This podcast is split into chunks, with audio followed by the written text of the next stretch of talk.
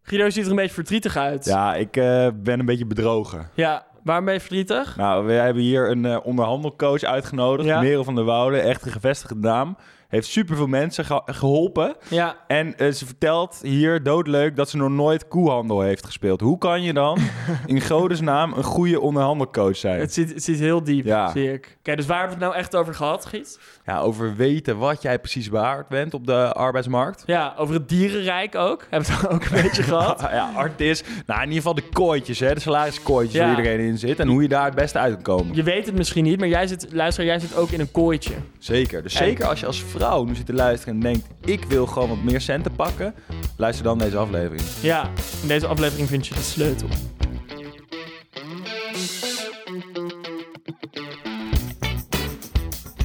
Merel, onwijs leuk dat jij hier bent vandaag. Wij werden heel enthousiast van de Rotterdamse dame. Wij hebben eh, één aflevering opgeneemd, opgenomen. We hebben een aflevering opgenomen. Opgeneemd, Goed ja, gedaan, Guido. Al begin is moeilijk, Jij Simon. wilde heel graag de intro doen, Ik hè? probeer één keer een introotje en het gaat meteen eh, fout.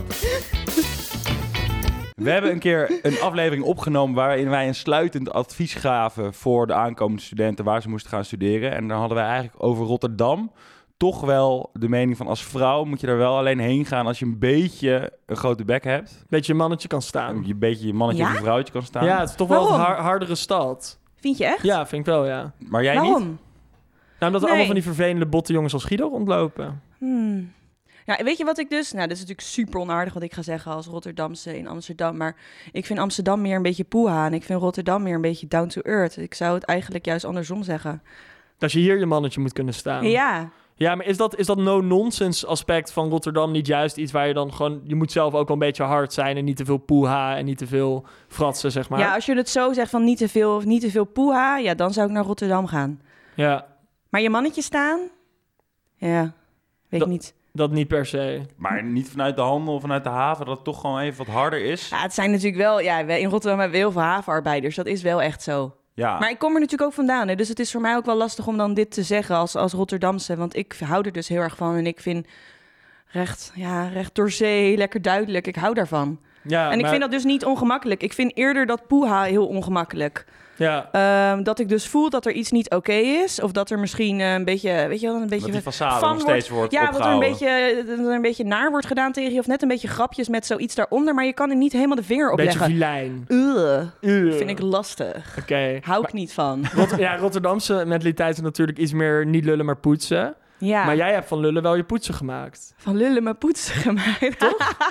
Jij bent onderhandelcoach, daarom zit je Ja, hier. ja, inderdaad. Ja, Ja. dat klopt. Dus dat Ja. is toch een beetje anti-Rotterdams, of vind je van niet? Nou, niet Maar wij lullen. doen Nee, natuurlijk eigenlijk ook. Wij doen eigenlijk precies hetzelfde trouwens. Misschien is het juist heel Rotterdams. Ja. maar jullie studeren natuurlijk allebei in Rotterdam. Ja. Maar Dus ja, wat vinden Simon jullie dan niet als meer. niet-Rotterdammers in Rotterdam? Nou, ik vind gewoon, het is gewoon iets meer no-nonsense in Amsterdam. Ik herken inderdaad wat jij zegt, dat er hier iets meer façade, iets meer op het uiterlijk, eh, iets minder ondernemend misschien ook wel, Ja, zeker. dan, eh dan Rolfa. Maar wacht Ja? even, jij, had, jij, had in, jij kwam uit Rotterdam en je dacht, ik blijf hier ook gewoon lekker studeren. Ja, eigenlijk wel. Ik, eh, nou, ik moet eerlijk zeggen dat ik wel even nagedacht heb over Amsterdam. Eh, maar ik ben uiteindelijk toch in Rotterdam gebleven. Eh, Rotterdam stond heel erg goed bekend voor ehm, eh, de rechtenstudie. En daarnaast is het natuurlijk een economische eh, universiteit. Dus je krijgt ook die e- economische tak mee. Ja. Ehm, waar ik op zich helemaal niet goed in was. Maar dat is wel goed voor... eh, En waarom rechten? Want kennis. we hadden vorige week, eh, of twee weken geleden, hadden we Julia Mekkes, ja, strafrechtadvocaat. ja. Dat ben jij niet geworden. Waarom, Nee. was, jij, waarom was je recht gaan doen? Na het idee van rechtvaardigheid, gelijkheid, opkomen voor, voor de rechten, of het nou voor mensen of voor dieren was, dat zat er eigenlijk al jong, jongs af aan, zat het er gewoon al in. En ik ging wel echt studeren vanuit zo'n heel erg mooi, ja, eigenlijk vanuit een hele mooie missie om mensen te helpen. Ehm, dat, dat, dat is wel echt waarom ik rechten ben gaan studeren. Ehm, zo ging ik bijvoorbeeld toen ik echt een jaar of zeven was, ging ik de deuren langs om ehm, handtekeningen te verzamelen tegen stierenvechten. en eh, ja, want ik, ik geloof er gewoon in dat je de wereld kan veranderen. En misschien kun je niet in één keer de wereld veranderen, maar je kunt wel altijd invloed uitoefenen en je omgeving beïnvloeden. Dus ik, ik ging handtekeningen verzamelen en ik zei tegen mijn ouders, we gaan niet meer naar Spanje, want daar hebben ze stierenvechten. We gaan die economie niet Gaan ze supporten. boycotten. Ja, dus dat... Heel weet je, Rotterdams ook al, hè? Meteen de Inderdaad. economische sancties vliegen, vliegen om de oren. Inderdaad. En ik was gewoon heel jong. En, Maar waar en- kwam die drive vandaan? Waar, hoezo was jij als Mm. zeven al zo, eh, zo Mm. woke eigenlijk dat je daarmee bezig was? Mm, ja, dat is is jou dat. onrecht aangedaan in het Ja, er heel verleden. veel onrecht aan gaan. Nee, eigenlijk niet. Misschien komt het ook gewoon door, eh, door, door, door mijn opvoeding. Mijn vader heeft een eh, eigen advocatenkantoor. Dus ik was daar altijd heel erg natuurlijk... Ja, je wordt daar gewoon een beetje mee geïndoctrineerd. Je groeit daarmee op met dat mijn vader altijd opkwam voor de rechten van anderen. Dus je krijgt dat toch mee. En vanuit mijn familie hadden we het ook altijd heel erg over dierenrechten. En het zat er gewoon al in. Soms weet je het ook niet, hè? Ja. Maar het zit goed, er gewoon en dan echt in. Die rechtenstudie vanuit dan eh, dat ideaalbeeld misschien. Maar Ja. daarna met je werk ben je er eigenlijk niet meer zoveel mee gaan doen, toch? Met mijn rechtenstudie. Nee, ik heb heel even in de advocatuur gewerkt als jurist toen ik afstudeerde.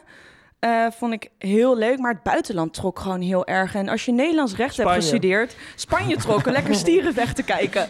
Nou weet je, dat zit me nog steeds dwars hè, als ik daarheen ga. Ehm, nee, maar eh, nou, nu ben ik dus kwijt waar ik... eh, Ja, over want ja, hij had. heeft de vast vrachtwagen. Ja. Ja. heel vervelend. Maar ehm, ik wil nog heel veel over die dierenrechten. We Ja. zitten hier tegenover Artis. ja. Wat vind je daarvan? Oh ja, vind ik ook heel lastig. Ze hadden ehm, volgens mij tegen hun werknemers, dit is heel grof. Dit ze hadden tegen hun werknemers gezegd... eh, jullie moeten salariskorting accepteren. Anders moeten we dieren gaan euthanaseren. want dan hebben we er geen geld meer. Dus Nee, dat is een soort van echt? emotionele chantage van de Ja, echt? werknemers. Ik blij door Dus- precies hetzelfde gebeurd. Maar Ja. toen, Nee. eh, daar zeiden ze het niet tegen de werknemers. Maar dat was gewoon inderdaad eh, Ja. aan publiek. Dus van, eh, Artis, fuck dit- jullie. Als dit- jullie je weer kan verantwoorden bij ons, dan kom vooral Wauw. langs. Maar er zitten toch heel veel investeerders achter. Ik, ik, de, Zou je die, zeggen. die mannen in Ja. het management komen gewoon van de grote consultancybedrijven en zo Ja. hoor. Dus ik snap dat niet helemaal. Maar dat jij je dan- wilde dat ook nog eventjes gaan doen, toch? De grote consultancybedrijven, toen je klaar was bij, eh, bij de rechtenstudie. Ja, dus ik ben Waren de uiteindelijk... idealen de- toen een beetje afgeroomd? Of, eh, Nou, eigenlijk wel. En dat is ook eens waarom ik uiteindelijk weer terug ben gegaan naar, naar mijn roots. Naar, naar voor mezelf ondernemen en echt iets doen waarmee je een verschil kan maken. Want het was natuurlijk super vet om naar... eh, ik ben naar Canada geëmigreerd en ik heb daarvoor internationale consultancy... eh, ja, internationale consul- internationaal consultancybedrijf gewerkt. En Waarom dat was Canada super vet. eigenlijk? In Toronto? ja. En waarom Canada? ja. Ja, dat was eigenlijk omdat zij daar eh, iemand nodig hadden op die spot. En het leek mij gewoon heel vet. Jij ik was wilde er toen heel serieus... graag naar het buitenland. Ik wilde naar het buitenland. Ik had gewoon die drang. Na, na die studie in, eh, in Singapore. Ja, ik weet niet. eh, The world is your oyster. Ik vind het gewoon zo interessant. Andere culturen. En ik, ik wilde gewoon meer dan alleen Nederland. En wat heb je daar geleerd? In Canada. Ja. Weet je wat ik denk dat echt wel de biggest takeaway is van als Nederlander in Noord-Amerika zitten?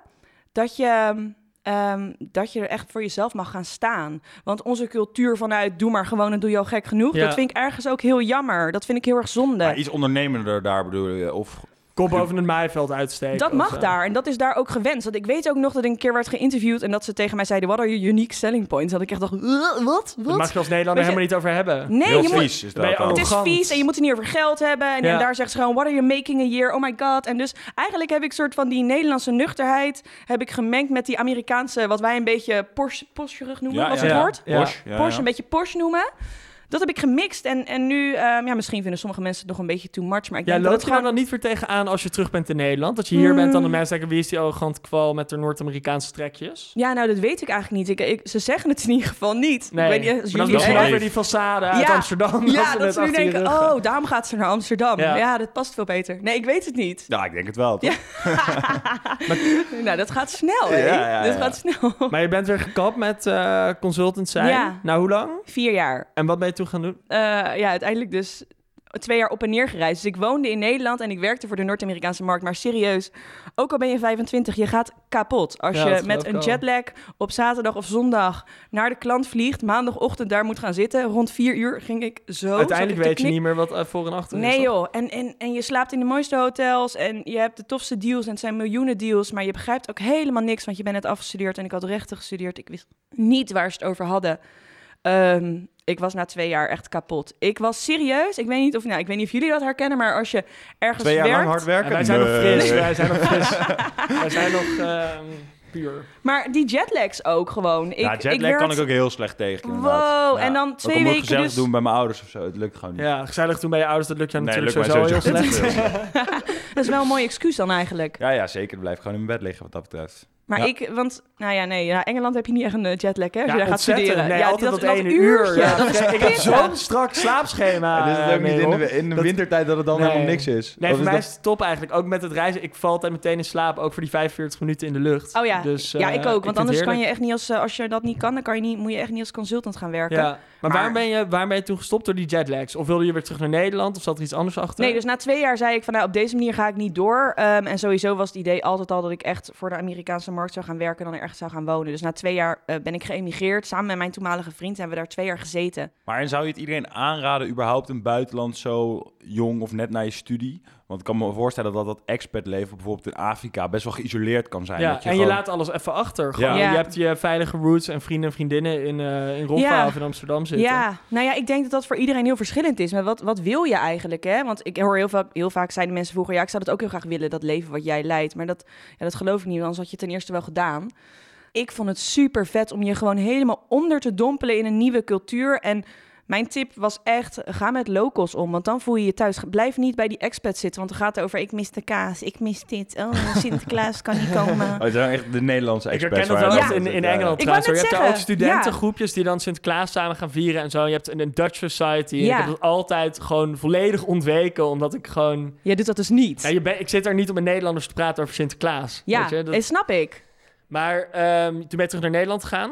Ik, eh, ja, na vier jaar, naar, naar vier jaar dus consultancy en twee jaar in Toronto gewoond te hebben, toen voelde ik gewoon, eigenlijk weet je, ik weet niet, ik werd gewoon op een dag wakker en ik, eh, eigenlijk is het een langer verhaal, ik was in Hawaii op een super vet evenement, dat heet Wanderlust en dat is yoga, meditatie, eh, maar ook hele erg eh, interessante keynote speaking, dus dat zijn bijvoorbeeld mensen die investmentbanker turned yogi, dus mensen die soort van het licht hebben gezien en Een eh, beetje spiritueel. ja, sowieso ook, inderdaad. Ja. Ja. dus ik was daar en toen dacht ik, wat de fuck ben ik met mijn leven aan het doen? Even serieus. Ik ben eh, eind twintig en ik zit in Toronto en ik heb eigenlijk een heel mooi leven. Ik verdien veel geld en ik liep daar ook marathons, was hartstikke vet. Maar waar een soort van die, die purpose, die missie, dat Maar meisje de wat vroeger... resonantie. Ja, de resonantie, ja. Resonantie. Ja, nee, maar waar, waar was eigenlijk echt die vrouw die altijd echt voor haar rechten opkwam en ergens voor stond? En mijn droom was vroeger echt als kind dat ik dan eh, bij Greenpeace ging werken en dat ik dan op die boot zat als ze, als ze gingen jagen op. eh, Maar ben je dat een beetje, is dat een beetje losgelaten na je studie? Dat je dacht van misschien consultant, grote geld, eh, daar gaan we even Mm. voor? Ja, ik denk het wel. Ik, je merkt toch dat je daar waarin, waar je in zit. Ik noem dat nu dus heel vaak je kooitje waar je in zit. Je accepteert een bepaald kooitje. Jij zit nu in Oxford, dat is jouw kooitje. Dat is wel echt een kooitje hoor. dat is echt een Harry Harry kooitje. Potter kooitje van Harry Simon. Potter. Kooitje, ja, ja. misschien wel. Ja. Maar snap je dat idee van het kooitje? Je past Ja, je dan heel heel erg. erg aan aan een bepaalde community en waar, je- waarin je leeft.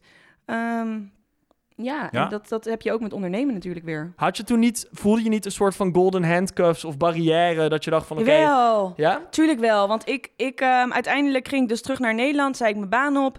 Toen dacht ik, oké, weet je wat ik wil? Ik wil gewoon terug naar mezelf. Dus ik ging heel cliché. Ik ging naar Bali, ik ging surfen, ik ging mediteren, ik ging Beetje het gap year verhaal, maar dan... Ja, eh, alleen na- dan, alleen dan eh, het jaar dat je ongeveer 30 wordt. En Ja. toen dacht ik, maar is dit dan de relatie die ik wil? Nee, dat is het ook niet. Dus ik had geen geld meer, ik had geen relatie meer. Ik was 30 en ik ging een bedrijf beginnen en ik zat op Bali. En toen dacht ik echt, jezus, zo echt. Een soort van eh, hoge pieken, diepe dalen. Maar Ja. ik moest daar gewoon heen. Ja. Ik moest dat. Maar waarom? Ja, dat is gewoon een gevoel. Oké. Misschien dat Maar hoe- spiritueel. maar hoe Zijn jullie ging- een beetje spiritueel? Nog niet, maar na deze podcast hopelijk wel. Ja, We nou, gaan dat gaat z- zo meteen snel. misschien nog iets dieper, Oké. dieper op in. Alleen ik ben benieuwd. eh, je hebt zo'n groot besefmoment, je stoot wat dingen af, je gaat naar Bali. Hoe ga je daarna? Wat is je eerste stap om echt praktisch te gaan opbouwen? Want het klinkt natuurlijk allemaal heel leuk in je hoofd, maar Ja. uiteindelijk, hoe maak je het concreet? Ja, en dat- dat is natuurlijk altijd het belangrijkste. Nou, toen ik naar Nederland ging, heb ik meteen een business coach in handen genomen. Ik was drie maanden in Nederland en toen dacht ik, oké, in die drie maanden voordat ik naar Bali ga, wat ga ik dan doen? Want ik wil op Bali eigenlijk wel mijn bedrijf ook gewoon beginnen. Dus ik heb een business coach ingehuurd.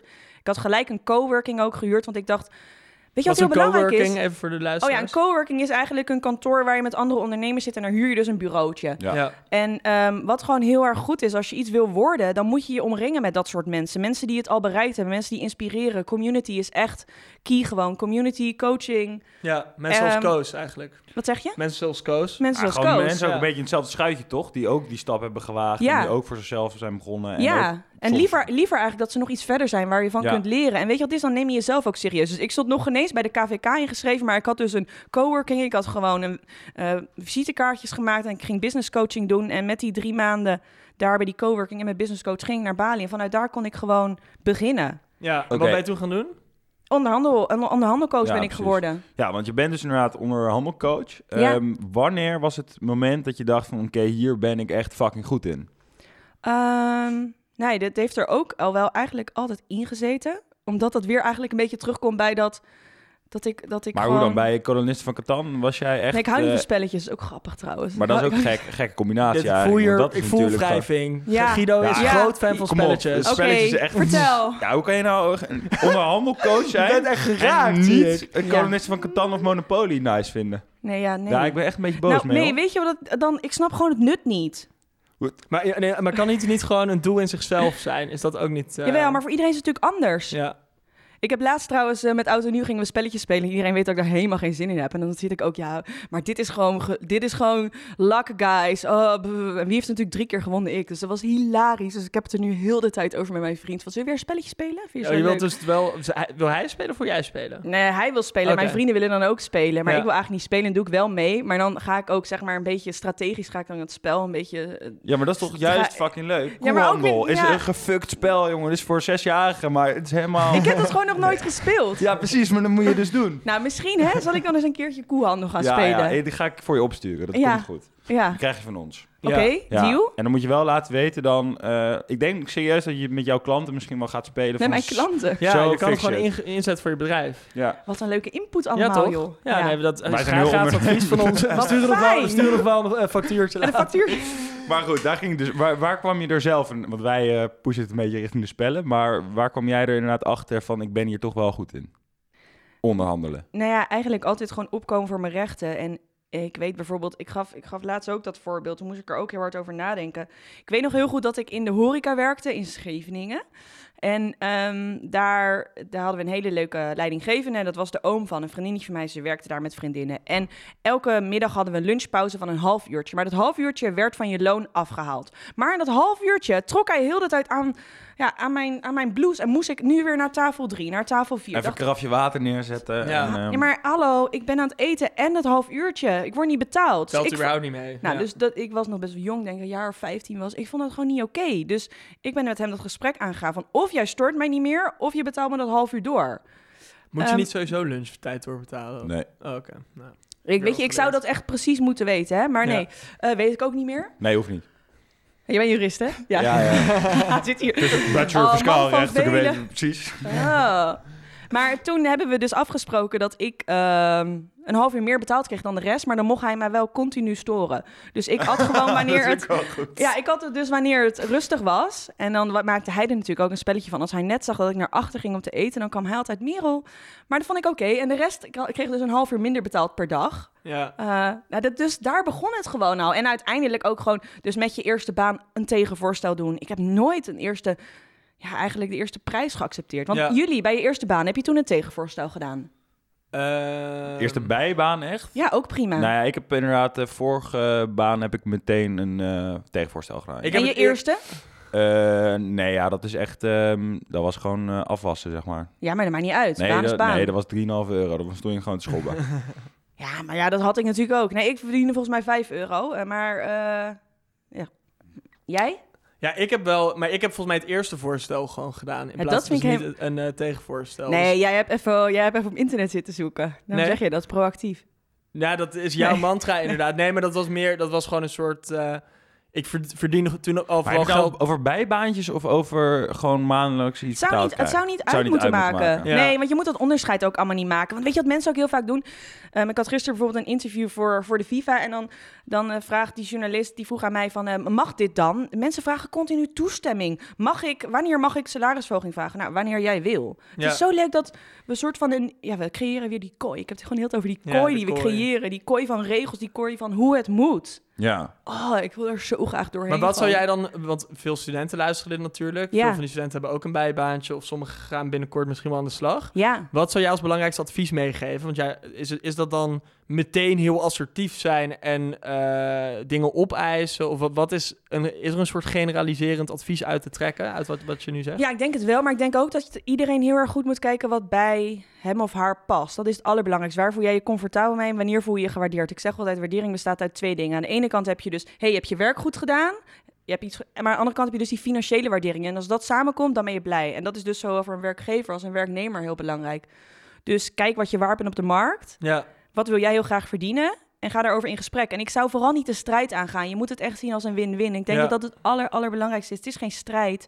Jullie gaan samenwerken omdat je graag samen wil werken. Dus er, er is gewoon een win-win. Zit daar ook meer een grotere les in misschien voor eh, ondernemers? Want je hebt het net over die man van die strandtent. Mhm. Zou die niet zelf moeten kijken naar een chiller contract voor al die mensen die hij af aan het feuten is tijdens de lunch? Want dat voelt niet echt als samenwerken. Dat voelt wel als een soort van strijd van ik Ja. ga zoveel mogelijk uit jou, jouw werktijd halen. Ja.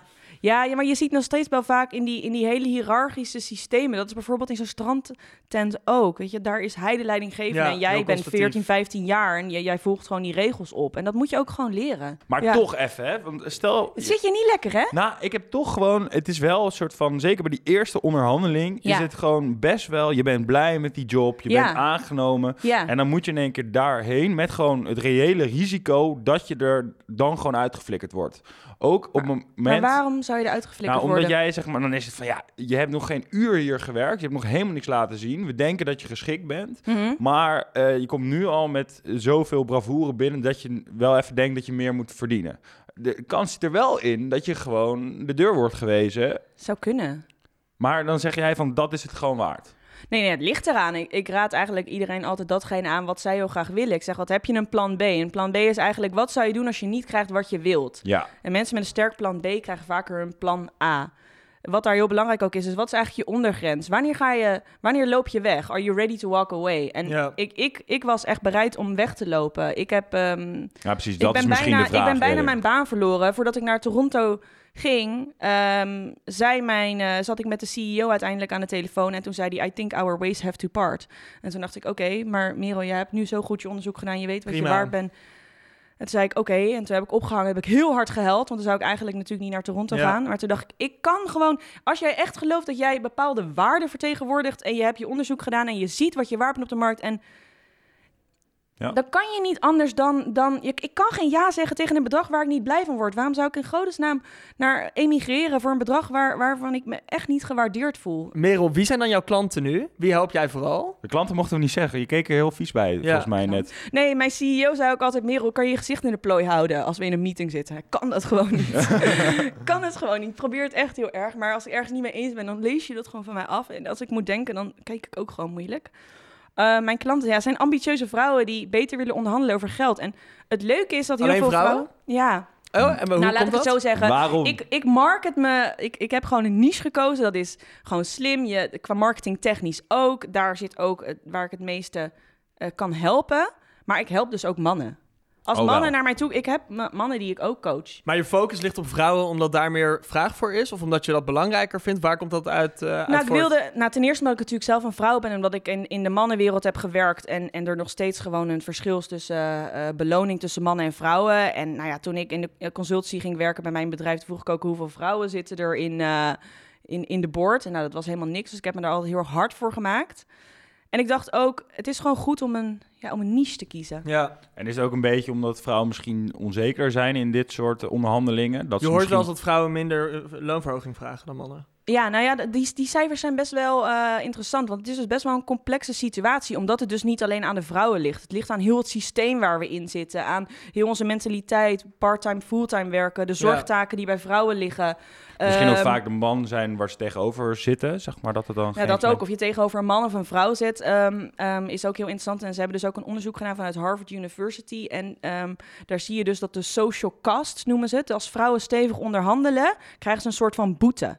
Dat wordt dus, het wordt niet geaccepteerd. Hetzelfde gedrag van mannen als van vrouwen dat heeft wordt echt niet met normen te geaccepteerd. maken. Dus. Dat is dus ook gewoon echt met onze maatschappij, Ja. hoe we daar nog in Nederland in staan. Dat misschien dezelfde onderhandeling Ja. anders gezien wordt Ja. van Ja. heel eh, onterecht Dat of het bij mannen ongegrond. misschien goede assertiviteit is Ja. en bij vrouwen een soort meer bruta- brutaliteit. of Ja, zo. en dan wordt een beetje gedaan, dat is ook in Nederland een beetje, hè, dat die of-of mentaliteit. Van of, en dan zeggen mensen tegen mij, ja, maar ik vind geld niet belangrijk, want ik heb liever een leuke baan. Dan zeg ik, oh ja, je kan ook en een leuke baan hebben en geld. Of-of. Geloven jullie in of-of Nee. en en? Ik Maar hij geloof er zit gewoon in wel en even te en. denken o- over dat anders ehm, evalueren van die, van die reactie. Of van Interessant, dat, hè? Dat eh, bijvoorbeeld ook met sporten. Als een, als een man heel boos wordt op de scheidsrechter, Ja. dan is het oké. maar Serena Williams is ook wel eens een keer Ja, uitgevallen tegen de dan is het scheids. En die was meteen toen een, eh, heks en dramatic en, zo, ja. eh, dat Ja. soort dingen. Er werd dan heel anders tegen aangekeken. Ik denk ook wel dat het echt in dat Nederland er ook bij uitstek best wel conservatief in is eigenlijk. Ja. Maar je hoort tegelijkertijd ook wel eens, want je zei de verantwoordelijkheid ligt niet alleen bij vrouwen, maar er ligt ook wel een bepaalde verantwoordelijkheid bij vrouwen als je het hebt over die loonkloof in Nederland, toch? Er wordt in Nederland heb je ook gewoon veel part-time prinsesjes, if you will, die niet fulltime willen werken en het wel prima vinden dat de mannen doen.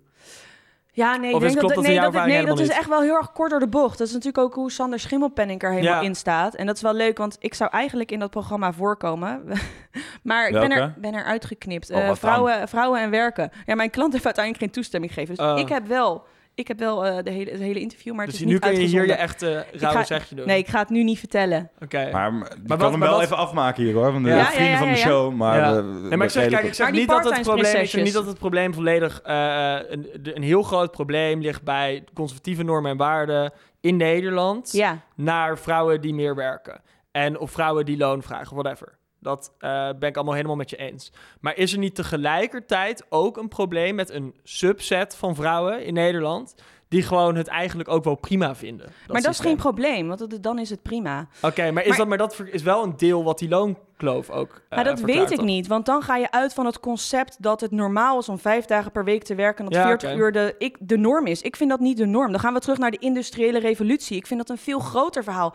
Maar dan zeg je eigenlijk dat. Waarom Maar dan zeg je zouden we- eigenlijk dat. Want je had het eerder over de loonkloof. Ja. Dus die loonkloof die, die als je het over jaarinkomen hebt, die Ja. blijft zolang vrouwen minder werken dan mannen. Maar dan zeg Ja. je eigenlijk mannen zouden ook minder uren moeten werken. Ja, en dat moet dus ook ge- in- ja, Oké. dat moet dan eigenlijk ook vanuit de maatschappij ondersteund worden. Want waarom wordt er aan een vrouw, als ze bijvoorbeeld minister wordt gevraagd, hoe doe je dat met je kinderen? Of als een vrouw eerder van werk weg wil, is niet oké. En als een man dat doet en oh, wat een lieve vader. Of dat ze zeggen, oh, hij heeft papa-dag. Ja. Excuse me, het is gewoon jouw kind. Je zegt nooit, het is mama-dag. Nee. Al die zorgtaken komen op een vrouw. Ja, jij zegt meer gewoon allebei vier dagen werken. Nou ja, ik zeg dat we naar, naar iets nieuws moeten kijken. Ik weet niet precies hoe het moet worden ingestoken. Ja. Ik vind het ook een hele lastige kwestie en het is super complex. En ehm, jij doet dus vooral inderdaad de onderhandelingen op salaris. Word je ook wel eens gevraagd om mee te kijken op andere soorten deals?